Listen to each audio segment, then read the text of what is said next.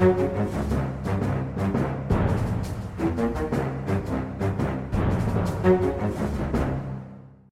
kjører vi på med en eh, helt ny eh, utgave av eh, Aftenpodden. Jeg heter Lars Glomnes. Med meg har jeg politisk redaktør Trine Eilertsen. Hallo. God dag. God dag. Kulturredaktør Stara Sørheim. Hallo. Og kommentator Thomas Bo Hornburg. Hei, hei. Og I dag sitter vi i et helt utrolig freskt eh, nytt eh, studio. Fordi vi ikke er i den lille svarte boksen vår, men i et TV-studio vi skal bruke når vi har uh, valgkveldssending på selveste valgdagen. Da blir det en Aftenpodden spesial. Eh, så det gleder vi oss veldig til. Ja, og den Eh, blir på TV. og den blir på TV. Altså Så man kan se, se det live, rett og slett. Ikke bare laste ned det i etterkant. Så nå er vi på et profesjonalitetsnivå eh, langt over det vi er komfortable med. Og da drar vi i gang, for vi kommer nesten rett fra et, eh, det, daglige allmøtet i Aftenposten. Eh, vi har ikke daglige allmøter i Aftenpodden. Eh, men vi evaluerer og går gjennom ting som er viktig i avisa hver morgen, og samler hele huset. Alle de som vil, kan komme og si sin mening. Og det ledes da ofte av en redaktør. Og i dag var det deg, Sara. Kan ikke du fortelle hva vi gikk gjennom? Jo, I dag brukte vi nesten hele møtet på å snakke om eh, bildene av den døde gutten på stranda i Tyrkia. Som eh, kanskje mange av eh, våre lyttere også har sett. Det er, det er en bildeserie som viser en eh, tre år gammel gutt som har eh, drukna eh, mens han prøvde å flykte til Hellas vel, fra, fra Tyrkia. Fra den stranda i Tyrkia hvor vi har vært og lagd reportasjer for et par uker siden. Og den stranda jeg har vært på ferie. Ja, ikke sant? Fra en, et feriested. Og de bildene de er helt grusomme. De er forferdelige å se på. Og han, eh, han ligger der aleine, og det er helt sånn eh, Ja. Det var vanskelig å snakke om det foran redaksjonen. Det er vanskelig å snakke om det her, merker jeg faktisk. eh, og det er fælt å se på bildet. Men diskusjonen vår var jo da om det var riktig av Aftenposten å publisere dette bildet, eller disse bildene i går kveld, som vi gjorde. Eh, og så viste vi til andre mediehus eh, internasjonalt som har valgt eh, å behandle bildene forskjellig. Men veldig mange har valgt å publisere. Så hadde vi en diskusjon rundt det, og det var det kan jeg vel si, veldig delte og sterke meninger om det i redaksjonen. Alt fra at det er helt riktig å vise fram denne katastrofen i all sin uh, jævlighet, unnskyld uttrykket, men det er altså bare så fælt, og det har skjedd i virkeligheten, og vi må fortelle historien. Eh, til andre igjen som mente at uh, dette her er uh, å gå over en grense. Dette bildet er for vondt, og gutten kan identifiseres på mange av dem. Og eh, vi trenger ikke å bruke dette virkemidlet.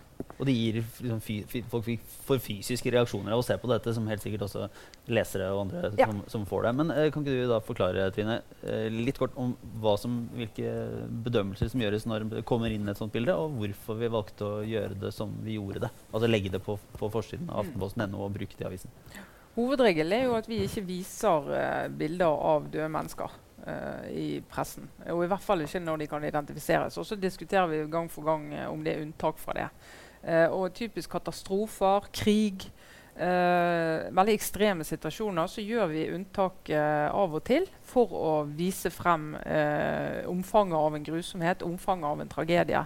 Um, dette bildet ble publisert eh, i går med en tanke om at eh, det mer enn noe kanskje viser eh, hva som faktisk foregår nå hver dag eh, i Europa, Middelhavet, eh, på land, eh, i, forskjellige former. Eh, men da er jo diskusjonen, neste steg i diskusjonen da, hvilke av disse bildene skal du bruke? Skal du bruke det bildet der gutten ligger med hodet i vannkanten, ned, med ansiktet ned i vannet, helt alene? Um, kan identifiseres, eller skal du bruke et annet bilde der en politimann bærer han, og du bare ser beina hans, men du ser i hvert fall ikke ansiktet hans. Eh, det vil da eventuelt familie heller ikke kunne se. Eh, så det er en diskusjon i under den store diskusjonen. Og jeg mener jo at det er riktig å publisere bilder, men jeg, jeg ville heller publisert det andre enn det første. Altså Der han ikke var så tydelig å identifisere, for jeg mener effekten blir bedre da. Vi hørte jo flere, også, Akkurat i sånn diskusjon så er jo mange av de som er i redaksjonen, de er vanlige lesere. De åpner avisen, de leser APNO, de får bildet i Facebook-feeden sin, som jo er side av dette. Disse bildene kommer jo fra overalt fra. Og de reagerer sånn som alle gjør. Og da hører du enkelte sier at styrken i det bildet gjør at jeg bare blar forbi. Jeg leser ikke det bildet. Og Det er en sånn vurdering vi må gjøre. Det andre er hvis vi har for mange sånne bilder, så opplever vi at folk bare melder seg ut av et saksfelt. Ja, de blir numne, på en måte. de blir numne og følger ikke med på det. det Tenk deg sultne barn i Afrika, da, hvis du skal ta den bilder av de. Eh, hvor i perioder det har truffet oss veldig, men når det kommer veldig mye, så blir vi, vi herdes og blir på en måte immun. Så det er også, du skal ikke bruke det for mye hvis målet er at folk skal bli klar over eh, en katastrofe eller en, en tragedie. Og et annet element som vi også må ta med i vurderingene nå, som har kommet mye sterkere de siste årene, er jo også at alle publikasjoner er egentlig internasjonale. Det er ikke lenger like relevant om hendelsen er nærme oss eller langt unna. For i teorien så kan alle bilder som publiseres i Aftenposten, eh, sees overalt i verden. Så vi må også forholde oss til familien til gutten og folk som eventuelt kan ha kjent han. Og det er en helt ny, ikke helt ny, men det er en, det er en relativt ny problemstilling. Ofte har man jo i pressen hatt operert med at eh, jo lenger unna eh, et bilde er fra, jo greiere på en måte er det i gåseøyne å publisere bilder hvor du kan kjenne igjen folk, fordi man har ikke regna med at de som er tettest på, vil se det. Så dette er sånn, eh, et godt eksempel på, på en situasjon hvor, hvor du kan si emosjonelt så hadde det vært lettest å la være å vise bildet. Og jeg merker at jeg tender, tenderer sjøl til å bare bla over. Men det er klart, vi må forholde oss til flere parametere enn bare det emosjonelle. Da. Eh, og da handler det jo om eh, på hvilken måte dette bildet belyser konflikten, og om det faktisk eh, viser og det gjør det jo i dette tilfellet, noe som skjer. Ikke bare én gang, men igjen og igjen og igjen. Men et viktig element da er at hvis vi velger å fortelle historien med dette bildet, så må vi ikke stoppe der. Vi må jo bringe også journalistikken videre inn i eh, det som går på hva gjør vi nå, og hvordan kan man løse denne situasjonen.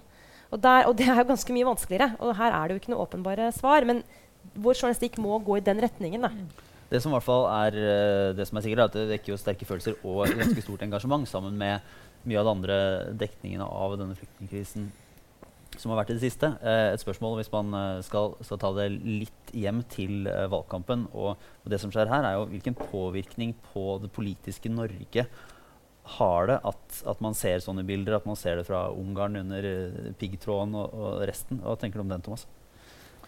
Jeg tror de sterke bildene har eh, konsekvenser. Eh, Stortinget, eh, Et bredt flertall på Stortinget har bestemt at Norge skal ta imot flere syriske flyktninger over de neste tre årene. Jeg tror disse sterke inntrykkene de forsterker forståelsen for at det er nødvendig. Vi var, da den avtalen ble inngått, spent på om kommunene ville ta imot nok flyktninger. på om det vil være en aksept i det norske folk for den, den form for dugnad det innebærer. Og jeg tror de, de, disse bildene de eh, eh, ja, forsterker den aksepten. Så det er det ene. Det andre er at eh, de sterke bildene illustrerer også at eh, mottaksapparatet som skjer i nærområdene, ikke fungerer. Eh, så jeg tror det også konsentrerer nå den politiske oppmerksomheten om hva Norge kan gjøre mer for å eh, sørge for at det fungerer bedre i nærområdene. Så jeg tror vi får en diskusjon gjennom høsten som ikke først og fremst kommer til å handle om det som var hovedtema gjennom eh, vinteren, nemlig hvor mange flere skal Norge ta imot, men hva mer kan Norge gjøre, hvor mye penger kan vi bruke på å få nærområdene, og en mottaksapparat i nærområdene til å fungere i Ungarn, i Hellas, i Tyrkia, i Libanon. Eh, og så eh, er det interessant, eh, fordi vi står med eh, ti dager igjen til valget, hvordan påvirker dette valgkampen? Eh, og jeg tror Frp profitterer jo gjerne når de negative sidene ved innvandringen står på dagsorden. Og Siv Jensen valgte jo å starte valgkampen sin Ja. med å, å be kommunene si nei til å ta imot flyktninger. Og, og så og for seg ut til å få et lite løft på målingene eh, rett i etterkant av det. Men det har ikke gitt noen, eh, noen, noen vekst utover det. Og på en del målinger så er Frp så å si tilbake der de startet. Uh, og jeg tror uh, disse sterke bildene de gjør det vanskeligere for Frp å, å uh, sørge for at de negative sidene ved innvandringen, de, van vanskelighetene med å ta imot syriske flyktninger, gjøre det til et viktig tema. Det, det virker hjerterått i møte med de bildene vi, vi får nå hver dag. Ja, det er, det er mm, effekten for uh, Frp. Men, men så har jo Frp vært opptatt av uh, at vi skulle hjelpe i nærområdene. Og de tok det opp i forbindelse med landsmøtet sitt. Og det har vært en, har vært en litt sånn Skal du enten ta imot flyktningene her eller hjelpe i nærområdene-diskusjon, som de har egentlig vært uh, representant for. Eh, og de ble jo hardt avvist uh, da de kom eh, med det rundt landsmøtet. og litt sånn hvor selvopptatt går det an å være? At vi bare skal liksom ikke se problemene, bare betale oss ut av det langt unna.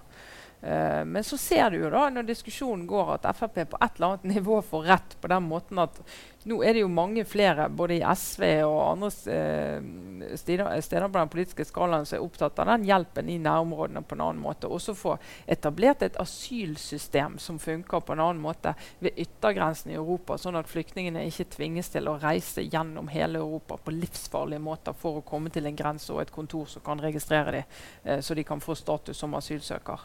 Eh, og Den diskusjonen der har jo egentlig på en måte Frp vært representant for å heve. Men så fordi at man ofte mistenker i hvert fall enkelte i Frp for å, å, være mer opptatt av at Norge skal være rent og fritt for uh, vanskelige kulturer og religioner, og at det er motivet, uh, så får de på en måte ingen gevinst av det i politikken, og de får det vel heller ikke blant uh, velgerne, Thomas. Jo, eh, Frp har jo vært det partiet som kanskje har spilt mest på følelser i innvandringspolitikken, men fått lite gjennomslag i den faktiske innvandringspolitikken. Kanskje vil vi her oppsummere med det motsatte. Mm. Vi fikk eh, ikke noe økt oppslutning. Følelsene våre trekker i en annen retning eh, i møte med disse sterke bildene. Men i sak så tror jeg den politiske agendaen vil nærme seg FrPs eh, Eh, ønske om at dette primært skal handle om hva kan vi gjøre i nærområdene. Men, men, men, men, kanskje resultatet blir at man uh, øker innsatsen i nærområdene, men samtidig holder eh, det nivået man ønsker hjemme. da. At FrPs logikk På en måte så det, har de hatt konkrete, gode forslag, men basert på at man skal kutte andre steder. Det blir interessant å se om man nå faktisk uh, kjører liksom en slags sånn, si, altså, At man prøver bare å øke innsatsen og prøver forskjellige ting parallelt. Mm. Og ut fra en helt sånn Jeg tenker bare logisk og emosjonelt så må man bare prøve alt man kan. Det er den følelsen jeg sitter med nå i dette tilfellet som vanlig leser. Mm eh, og deltaker i samfunnsdebatten. Det er bare sånn, Ingenting må være uprøvd. Men er, jeg tror det er utenkelig å gå tilbake på den ambisjonen om å ta 8000 syriske flyktninger ja. på tre år. Politisk så er det Ja, det kommer ikke til å skje. fast. Eh, eh, Trine, du er jo en, du er en veldig, veldig hyggelig dame. Men eh, Hvor skal du nå? nå er jeg spent. Men du har, jo, du har jo ikke så mye til overs for den til dels følelsesladda debatten som, uh, som oppstår i fra innenfor mange felter, men uh, også ja. her. Du har jo hatt en liten kjepphest uh, en stund om denne fordømte sinnelagsetikken. Ja. Kan ikke du ja. dra et lite riss på Ja, For å snakke litt sånn generelt om det først, da. Uh, så skal vi snakke om Tony Blair like etterpå, Sara. Endelig. Yeah. Uh, nei, altså Sinnelagsetikk det er jo altså jeg tenker Når den styrer en debatt eller et politisk ståsted, så blir det sånn og nå, det, det, er jo vakkert. Det er mye godt med det. Og mye av det vi ser nå, handler jo om et sinnelag som gjør at vi føler en voldsom empati med, med flyktninger i denne i denne mm, runden. Eh, men det er jo problemstillinger som, som, ligner om det. Og da tror jeg det, det er veldig lett for veldig mange eh, å hoppe rett på den. ok, Vi, vi, må, vi må, åpne grensene. Vi må, vi må kutte Dublin. Vi må, må liksom bare få det løst. Og vi må gjøre det nå. For jeg orker ikke å se på dette.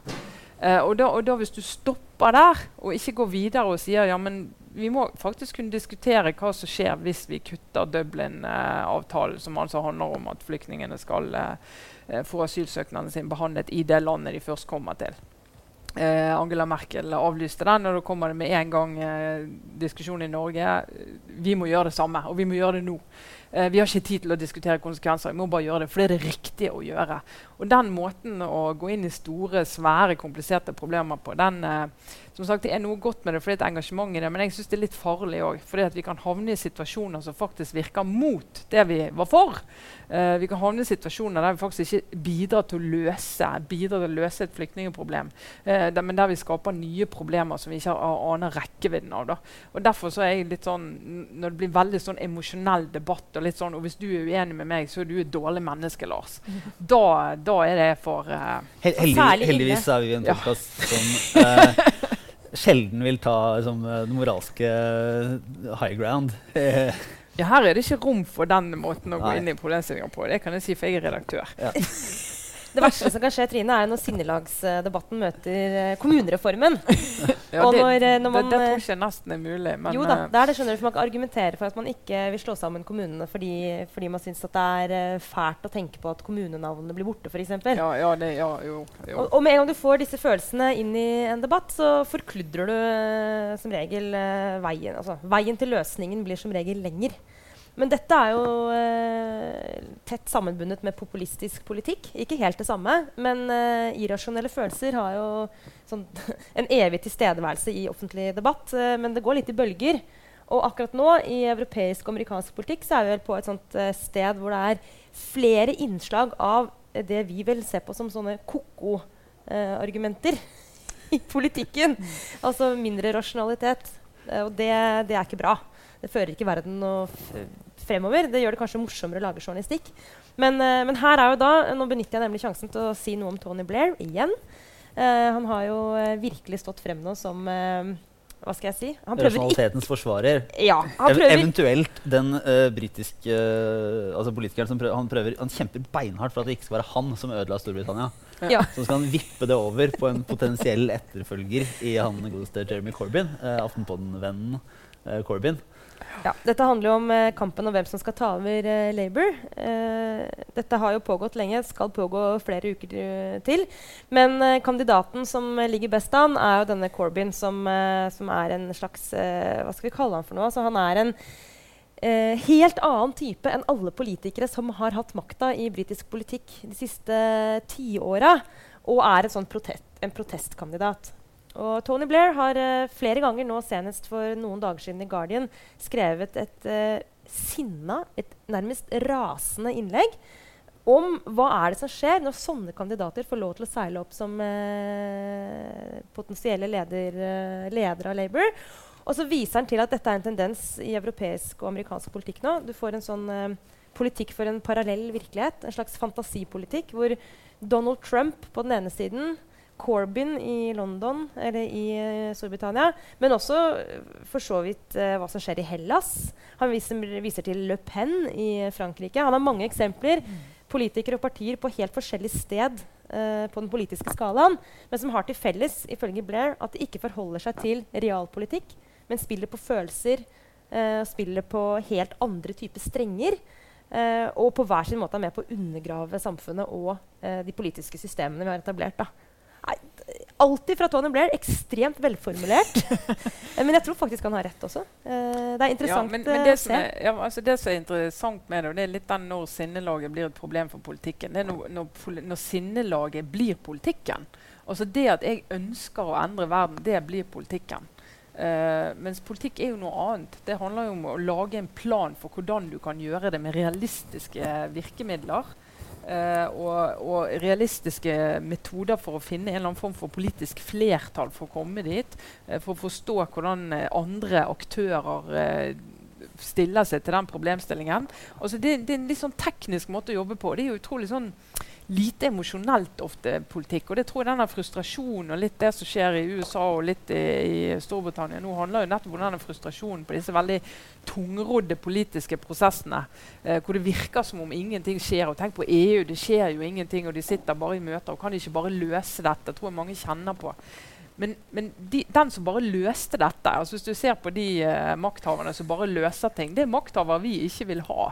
Uh, for politikk det er, det er vanskelig, det er komplisert, det er, går utrolig tregt, men det er veldig veldig viktig. Og at det går så tregt ofte. fordi at uh, Hvis ikke så får du løsninger som vi egentlig ikke har lyst på.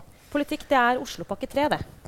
Ja, Oslopakke 3 Ja. kan vi jo snakke om. Det snakket vi om forrige uke. skal ikke vi snakke mer om. Nei, men så kjedelig, så komplisert og så uh, viktig uh, og så tidkrevende er det de prosessene vi snakker om her. Og det er ingen snarveier. Og det er vel også Tony Berries uh, poeng. Selv om han vel dessverre har tatt noen snarveier han burde unngått i sin politiske karriere, så kan han likevel ha rett i at eh, nå, må, nå må velgerne stikke fingeren i jorda. Det er din eh, lille kamp da, mot uh, generasjonens sinnelagsetikk. Yes. Det synes å være enighet i britisk politikk om at uh, Tony Blair uh, ikke Han gjør det vanskeligere eh, å sørge for at han blir hørt. Rett og slett fordi, og det er i seg selv et, et symptom på sinnelagsetikkens styrke i britisk politikk. Fordi man falt, man, mange felte en moralsk dom over Tony Blair etter Irak-krigen. Eh, og, og, og, sånn sett så, så, er han en som, som nå eh, Man skal i hvert fall ikke gjøre som han ja, eh, sier, fordi han var et moralsk forkvaklet menneske og viste det i Irak-krigen. Ja, Du hører ikke du hva han sier, du hører på hvem som sier ja. det. Og da er vi ute og sykler. Altså. Er, men, men det, vi driver med det her òg, for all del. Masse. Vi kan uh, ta en, uh, en, en, link til et uh, annet felt som er preget av måte, kampen om å være mest mulig god. Og tidvis eller kan jo vurdere hvorvidt det går på bekostning av resultater eller ikke. Det, det, store temaet i Oslo-valgkampen denne uka her, og antageligvis det som kommer fremover, har jo vært eldreomsorgen. Uh, der Arbeiderpartiet prøver å tegne et bilde uh, av Eller prøver å vise fram hvordan eldreomsorgen i Oslo er et slags kaos og ikke funker så bra som det skal være. og Høyre og de andre byrådspartiene vil vise at det fungerer ganske godt. Og både Høyre og Arbeiderpartiet har lagt fram sine planer denne uka. Du har både fulgt det og skrevet om det, Thomas. Kan ikke du fortelle litt om hvordan du ser dette? For du har også kommet med noen ganske klare konklusjoner for på hvordan dette henger sammen? Altså, eldreomsorg eh, pleier å være et av de viktigste, ofte det viktigste temaet i, uh, i et lokalvalg. Uh, og nasjonalt har det ikke vært det uh, så langt i år.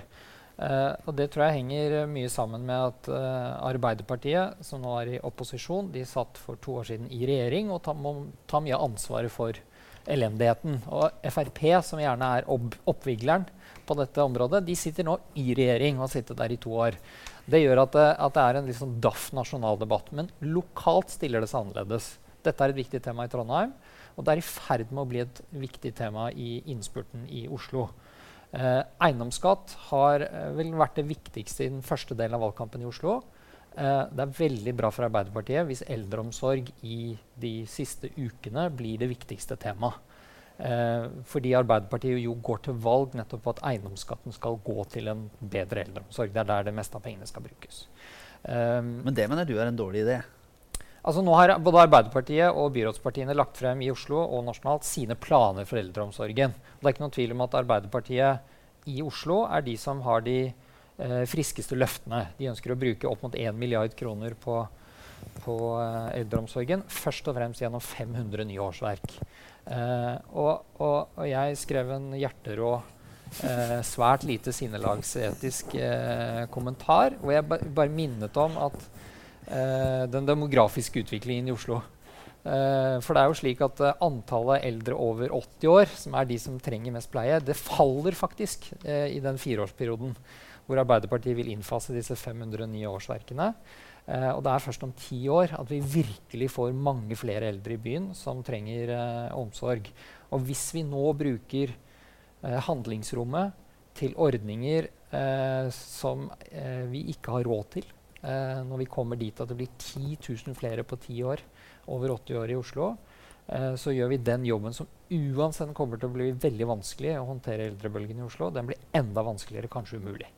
Eh, så det var min påminnelse til Arbeiderpartiet. Det høres fristende ut, men, uh, men, jeg er tvilende til om det bærer i møte med den demografiske utviklingen om ti år. Ja. Så man heller må, må spare litt og leve litt med en, uh, en eldreomsorg som muligens ikke strekker helt til fordi det kommer til å bli verre etter hvert? Jeg mener at det er mange andre kjedeligere ting som er viktigere. Mm. Nemlig mer kompetanse, bedre ledelse, det er velferdsteknologi. Det er de tingene som er bærekraftig, som, vi, som, vi, vi, som, gjør oss i stand til å håndtere eldrebølgen på en bedre måte. Det er det viktigste. Men denne debatten også synes jeg er den som er aller vanskeligst å forholde seg rasjonelt uh, til. Eller den blir behandla utrolig anekdotisk. Senest i går på, på NRK, eller denne uken på NRK sin uh, debatt om eldreomsorg. Mm så ser man, og Jeg skjønner hvorfor det skjer, for det er så lett å gripe til. Da inviterte de altså en del unge jenter dette var fra jeg tror det var fra Karasjokket, som jobbet på gamlehjem i Karasjok, inn i studio og fikk fortelle sine hjerteskjærende historier om um, eldre som var ensomme, eller hvordan de ikke hadde tid til å hjelpe nok og snakke nok og vise omsorg, omsorg nok for, for beboerne på de eldrehjemmene tragiske historier, men de ble jo da invitert Først fikk de stå og snakke om eh, hverdagen sin, og så ble de bedt om å komme opp på scenen. Og der sto eh, Siv Jensen og Bent Høie. Og ble konfrontert da med disse unge jentenes eh, fæle historier. Og det mener jeg egentlig faktisk er grense mot uredelig journalistikk. For hva skal eh, statsrådene egentlig gjøre da? De kan jo ikke begynne å komme med sine type rasjonelle argumenter à la det Thomas eh, bringer til torgs her. Fordi da vil de sannsynligvis eh, tape en ren sånn opinions...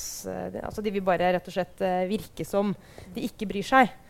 Men sannheten er jo at eldreomsorgen løses jo ikke gjennom følelser og gjennom tragiske historier. Så akkurat da tenker jeg at da er jeg glad jeg ikke er politiker. Det tenker jeg for så vidt ofte. Men uh, utrolig vanskelig debatt, og utrolig vanskelig da å skulle kombinere rasjonell politikk med å ikke fremstå som, en, uh, som et uhyre. Men det er jo det krevende møtet med enkelthistorien og enkeltskjebnene og med de store strukturene og politikken. Sant? Og det er, jo der, det er jo det som gjør at politikere av og til fremstår så veldig lite menneskelige og veldig sånn tekniske og, og instrumentelle. Og legg merke til når vi snakker om uh, ledighetstall i Norge og når vi snakker om eldreomsorg, så er ingen politikere som har uh, holdt på i mer enn tre kvarter, som ikke husker på husker. Dette er jo veldig alvorlig fordi det angår. Jeg synes det, det er en grusom historie du forteller, og sånn skal det ikke være. Altså, du må ha den innledningen før du kan gå videre til å prøve å touche innom det som eh, Thomas eh, skrev om i sin kommentar, som er utrolig vesentlig hvis vi virkelig skal se på løsningene. Ofte så rekker de jo bare å si det første, og kommer jo aldri til de resonnementene som Thomas dro. Sant? For da blir det sånn ja, Men hva har du tenkt å gjøre med dette? Jo, nå, nå skal du høre her. Og så er det på en måte Jeg syns jo NRK-debatten illustrerte det veldig godt. da, Fordi NRK prioriterte så mange vitnesbyrd om den elendige eldreomsorgen at Bent Høie helt på tampen av programmet måtte rekke hånda i været og si at jeg har strengt tatt ikke fått sagt noe om eldreomsorg. Og det er statsråden som har ansvaret for området. Og så leste han fra sin lapp. Eh, nettopp fordi de historiene hadde tatt så, så mye plass. Og I tillegg så gjorde Siv Jensen en, en, eh, en veldig god debatt også om eldreomsorg. Eh, eh, sånn hun, hun tok mye av, av sendetiden. Men, eh, men eh, Og i forrige valgkamp så, så eh, hadde jo TV 2 denne famøse spørreundersøkelsen blant de ansatte i eldreomsorgen, som jo også tegnet et uh, bilde av en hel sektor hvor det er krise. Og jeg tror ikke vi kommer videre eh, i hvert fall den offentlige debatten om eldreomsorgen hvis vi ikke klarer å være noe mer nyanserte. Mitt inntrykk er at i de, de kommunene hvor det er dårlig eldreomsorg, så er det ordentlig dårlig. Eh, som går på sykehjemsplasser, som går på legedekning og på mange andre områder. Men generelt så vet vi for lite om kvaliteten på eldreomsorgen. Det jobber regjeringen med, det er veldig bra. Men jeg tror det er viktig å, eh, at vi også i debatten reflekterer at dette er en sektor hvor ikke alt er elendig. Det kan jo, vi kan jo nærme oss øh, en avrunding, men øh, på dette med at alt er elendig, så tar vi oss inn i en øh, slags liten opprunding. At nå har vi kommet til der i valgkampen hvor politikerne tilsynelatende er villige til å si hva som helst uh, for å beskrive hvor elendig det er uh, under motparten. Uh, så vi hadde jo en liten ordning her. Vi har et par favoritter fra denne uka som jeg tenkte på, som viser den viljen til å bare gå ut og si at det er deres skyld. Og jeg syns jo det var, uh, var flott da Arbeiderpartipolitiker Abdullah Al-Sabeg uh, møtte opp i Kvernebyen. Det sto nesten sånn der uh, Asbjørn Øyehovden TV 2 eh, til anklene og eh, til låra i vann. Slo fast at dette var byrådets skyld. Han fått himlenes luser til å åpne seg og skylde over byen. Det er liksom eh, helt herlig å kunne skylde på den til enhver tid sittende politiske makt for dårlig vær. Og det er klart, eh, Denne uka har det vært helt ekstremt dårlig vær i Oslo. Eh, Så eh, jeg har gått og forbannet høyere makter sjøl. Jeg er på vei til jobben eh, kliss klass våt. Men eh, akkurat den saken der det var vel litt høyere makter, kanskje. enn Enn høy, byrådet. Høyre. I mitt hode finnes det høyere makter enn Høyre, Ja. faktisk. Eh, men tydeligvis så er alle forsøk nå er verdt det. Jeg klarte ikke helt å fange opp Lars, akkurat på hvilken måte det var uh, Høyres feil at det var så mye vann i Kvernebyen denne uka. Men Jeg er, ikke he jeg er litt, litt usikker selv jeg, på hvordan det egentlig hang sammen. Det, uh, det, var ikke en like klar analyse som, som denne Kjartan Mogen, han er ordførerkandidaten til de kristne i uh, Skien, som tok det et skritt lenger da han mente at Gud hadde tillatt uh, Utøya-terroren pga. Arbeiderpartiet og AUFs vennlighet overfor eh, palestinerne og, motstand mot Israel. Det eh, Jeg tror det er vel et slags lavmål. Det er nok et foreløpig lavmål. eh, Men vi har jo hatt eh, mange gode eksempler før. Jeg husker da i forrige valgkamp da Anette Trettebergstuen eh, slo fast at det ville bli vanskelig å være homo hvis det ble en blå regjering. Eh, og med alt det førte med seg av interessant diskusjon. Så det er klart Av og til så blir du blir veldig ivrig, og så hopper du over noen trinn i resonnementet. Og det som står igjen, det er at uh, logikken er litt, litt for enkel. Yep. Men uh, vi ser vel egentlig det, si, det, jo, uh, det blir jo festligere i hvert fall når det kommer sånt. Og vi ser jo fram til en innspurtsuke med mer av det. Er det noen sånne store ting dere forventer skal skje den siste uka? Som vil blåse alt annet til side? Altså, jeg er jo veldig veldig spent på Oslo. da. Det, det er jo helt uh, utrolig spennende. Ja, det er spennende. Eh, rett og slett. Jeg er veldig veldig spent på hvor stor uh, Miljøpartiet blir. Det tror jeg kommer til å bli uh, Der må jeg bare si at jeg er helt sånn Jeg tror, det kan, jeg tror alt kan skje hvis de eh, får nok makt. Og det mener jeg ikke nødvendigvis positivt. Eh, jeg tror det blir et slag uten like. Men jeg er også usikker på hvilke saker nå som egentlig kan vippe Oslo-valgkampen. Jeg syns den er vanskelig å forstå. Det er helt åpenbart at eldreomsorg og eiendomsskatt eh, er to viktige saker der, og de har vi allerede nå hatt oppe. Så om det dukker opp eh, noe nytt eh, nå neste uke, det er jeg spent på. Mm. Og eh, jeg vet ærlig talt ikke hva det skulle være. Men jeg ser jo at Arbeiderpartiet nå eh, prøver seg med Det er mulig at det bare er et engangsforsøk, men de har kjørt med sånne hjemmebesøk. Eh, ordførerkandidaten som Hva heter hun igjen? Tone Trellevik Dahl. Takk. Som ikke er så veldig kjent uh, på Oslos gater. Hun er nå uh, hjemme og besøker folk og diskuterer politikk. Elisabeth Skarsbøl Moen, tidligere VG-kommentator, nå PR-konsulent. skrev et flammende innlegg eh, på sin blogg i går hvor hun hevdet eh, at eh, Arbeiderpartiet var eh, redningen for Oslo. Og eh, apropos å beskylde sittende politisk ledelse for mye, så var hun ganske tydelig at uh, Høyre og Frp har ført Oslo ja, fryktelig galt av sted. Eh, så det blir spenn spennende å se om, det er, om de nå tester ut noen nye sånne valgkampstrategier for å prøve å vekke til live Med hjemmebesøk skal valgkampen vinnes. ja, Det spørs om det altså, fungerer. Toppolitikerne nasjonalt de har jo nå reist landet rundt i noen uker. De går nå inn i en uke hvor det er eh, tre partilederdebatter. Og de konsentrerer seg nå mye om de. Og bruker krefter på å forberede seg på det. Eh, så de blir viktige. Og så lokalt så handler det nå mye om å mobilisere velgere. Eh, på alle de måter partiene nå gjør det, gjennom husbesøk. Jeg tror ikke det kommer noen store endringer i dagsorden. Det pleier ikke å gjøre det sånn helt på tampen av valgkampen. Eh, og i Oslo så har vi også en, en veldig sånn fragmentert offentlighet, så det er vanskelig å prege den dagsordenen med liksom én sak. Eh, men, eh, men sånn det nå ser ut i forhold til de store byene, så er det Oslo som er det soleklart mest spennende. Ja, det er faktisk det. Og så Helt og så er det, må vi, I de siste valgene har vi merket det at uh, budsjettlekkasjer er blitt en valgkampstrategi. Så nå er budsjettlekkasjene begynt å komme. Og Det blir spennende å se om vi får flere av de neste uke. For de som sitter i regjering nå, var jo veldig kritiske til de rød-grønnes måte å på en måte helle ut statsbudsjettet i ukene frem mot valget. For det er klart det er jo staselig å reise rundt som statsråd inn i en kommune og hjelpe litt med valgkampen og si og forresten, her har du to millioner. Det, det, det hjelper, det. Uh, men det er jo en veldig ja, Jeg syns det er en veldig uryddig måte å drive valgkamp på. Men uh, hvem spør meg? Men uh, og med det så takker vi for oss for denne gang i Aftenpodden. Det var Trine Eilertsen, Sara Sørheim, Thomas Bornburg og jeg er Lars Glomnes. Og så kan vi i hvert fall håpe på at Erna Solberg skal spille mer trommer. Takk for oss.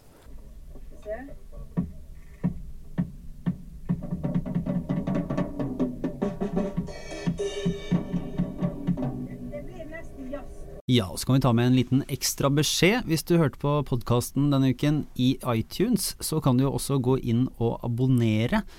Da får du den neste utgaven rett i telefonen din uten å måtte gjøre noe som helst. Eh, Det gjør du ved å søke på Aftenpodden i eh, iTunes-søkeren. Og så er det bare å trykke på abonner og vente på neste utgave. Gi oss også gjerne en stjernerating i iTunes hvis dette er noe du vil anbefale til andre.